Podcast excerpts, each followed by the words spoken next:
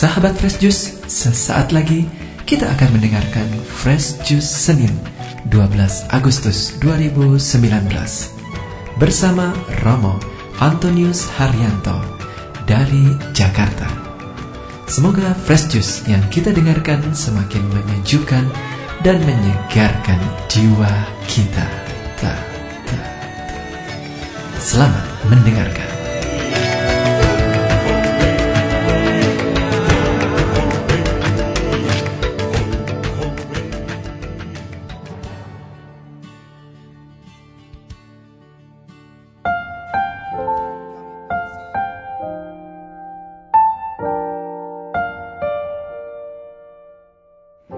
Bapak Ibu Saudara-saudari dan teman-teman muda yang terkasih, apa kabarnya? Semoga Anda baik adanya dan tetap sukacita menjalani perjalanan hidup kita.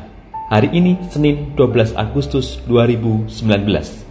Permenungan kita diambil dari Injil Matius bab 17 ayat 22 sampai 23. Pada waktu Yesus dan murid-muridnya bersama-sama di Galilea, ia berkata kepada mereka, Anak manusia akan diserahkan ke dalam tangan manusia, dan mereka akan membunuh dia dan pada hari ketiga ia akan dibangkitkan. Maka hati murid-muridnya itu pun sedih sekali. Ketika Yesus dan murid-muridnya tiba di Kapernaum datanglah pemungut bait Allah kepada Petrus dan berkata, Apakah gurumu tidak membayar bea dua dirham itu? Jawabnya, memang membayar. Dan ketika Petrus masuk rumah, Yesus mendahulunya dengan pertanyaan, Apakah pendapatmu Simon? Dari siapakah raja-raja dunia ini? memungut bea dan pajak dari rakyatnya atau dari orang asing? Jawab Petrus, dari orang asing. Maka kata Yesus kepadanya, jadi bebaslah rakyatnya. Tetapi supaya jangan kita menjadi batu sandungan bagi mereka, pergilah memancing ke danau, dan ikan pertama yang kau pancing tangkaplah dan bukalah mulutnya. Maka engkau akan menemukan mata uang empat dirham di dalamnya Ambillah itu dan bayarkanlah kepada mereka, bagiku dan bagimu juga. Demikianlah sabda Tuhan. Terpujilah Kristus.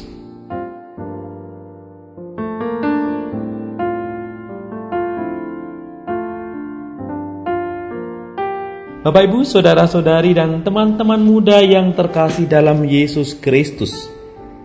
Gembala biasanya berjalan bersama dalam kerumunan domba. Berbeda dengan singa yang berjalan sendiri dan jarang berjalan dengan banyak kawanan singa. Singa tampak perkasa, tapi ia sepi karena tidak ada yang menemani, apalagi mencandai. Gembala dan domba berjalan bersama. Berjalan bersama menjadi dekat dan banyak hal suka duka dan keprihatinan, serta curhatan dari para domba menjadi begitu terdengar. Kedekatan gembala dengan domba seperti layaknya kedekatan Yesus dengan para murid. Yesus begitu terbuka akan situasi kondisinya dan para murid ambil bagian dalam empati ketika Yesus menyatakan bahwa anak manusia akan diserahkan ke dalam tangan manusia dan mereka akan membunuh dia dan pada hari ketiga ia akan dibangkitkan. Para murid sedih.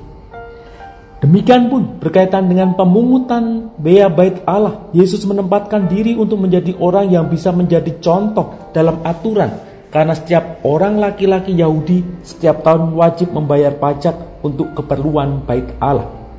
Bukan karena sudah dikenal sebagai guru, maka dia tidak atau melalaikan atau tidak membayar pajak.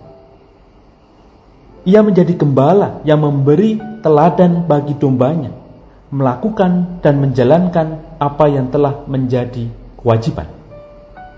Bapak, ibu, saudara-saudari, dan teman-teman muda yang terkasih, Yesus menjadi sosok gembala yang berjalan di depan, memberi keteladanan pada domba-domba di belakangnya. Tapi juga ia menjadi gembala yang menemani, berjalan bersama di antara domba-domba untuk mendengarkan aktif segala kondisi dari domba-dombanya ia juga menjadi gembala yang mendukung di belakangnya, memberi kepercayaan pada domba-dombanya. Pada saatnya nanti mereka akan melanjutkan. Dalam Kristus Vivit, seruan apostolik dari Paus Fransiskus mengenai orang muda, di nomor 291 dikatakan, ada banyak imam, para religius, umat awal, para ahli, dan bahkan orang-orang muda berkualitas yang dapat mendampingi orang-orang muda dalam penegasan panggilan mereka. Ketika kita dipanggil untuk membantu orang lain untuk menegaskan jalan hidupnya, hal pertama adalah mendengarkan. Mendengarkan mensyaratkan tiga jenis kepekaan atau perhatian yang berbeda dan saling melengkapi. Untuk mendengarkan ini ada tiga langkah, tiga tips yang perlu dibuat. Jangan abaikan kalau ada orang lain yang curhat. Pertama, mendengarkan dengan aktif.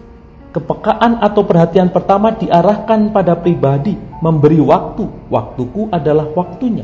Mendengarkan tanpa syarat, tanpa merasa diriku terhina tanpa merasa diriku dipermalukan, dilukai, dan tanpa merasa lelah. Kedua, mendengarkan untuk penegasan rohani. Apa yang sudah didengarkan secara aktif di headline, ditandai mana yang penting dan melihat perjalanan hidup sebagai rahmat atau tantangan sehingga bisa jernih melihat apa yang kita alami dalam terang Tuhan. Tuhan berbicara apa atas peristiwa hidup yang ku alami, yang ku ceritakan. Dan ketiga, mendengarkan dengan melihat dorongan-dorongan ke depan sehingga bisa mengambil keputusan yang tepat dan penuh semangat menjalani hidup.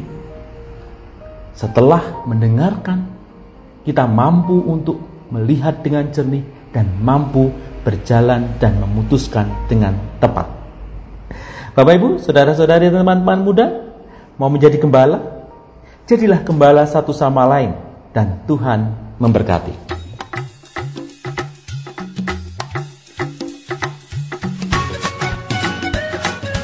Sahabat Fresh Juice, kita baru saja mendengarkan Fresh Juice Senin 12 Agustus 2019.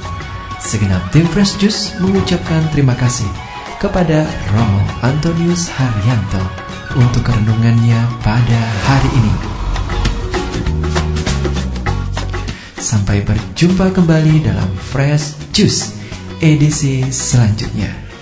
Tetaplah mengucap syukur dan salam Fresh Juice. Juice.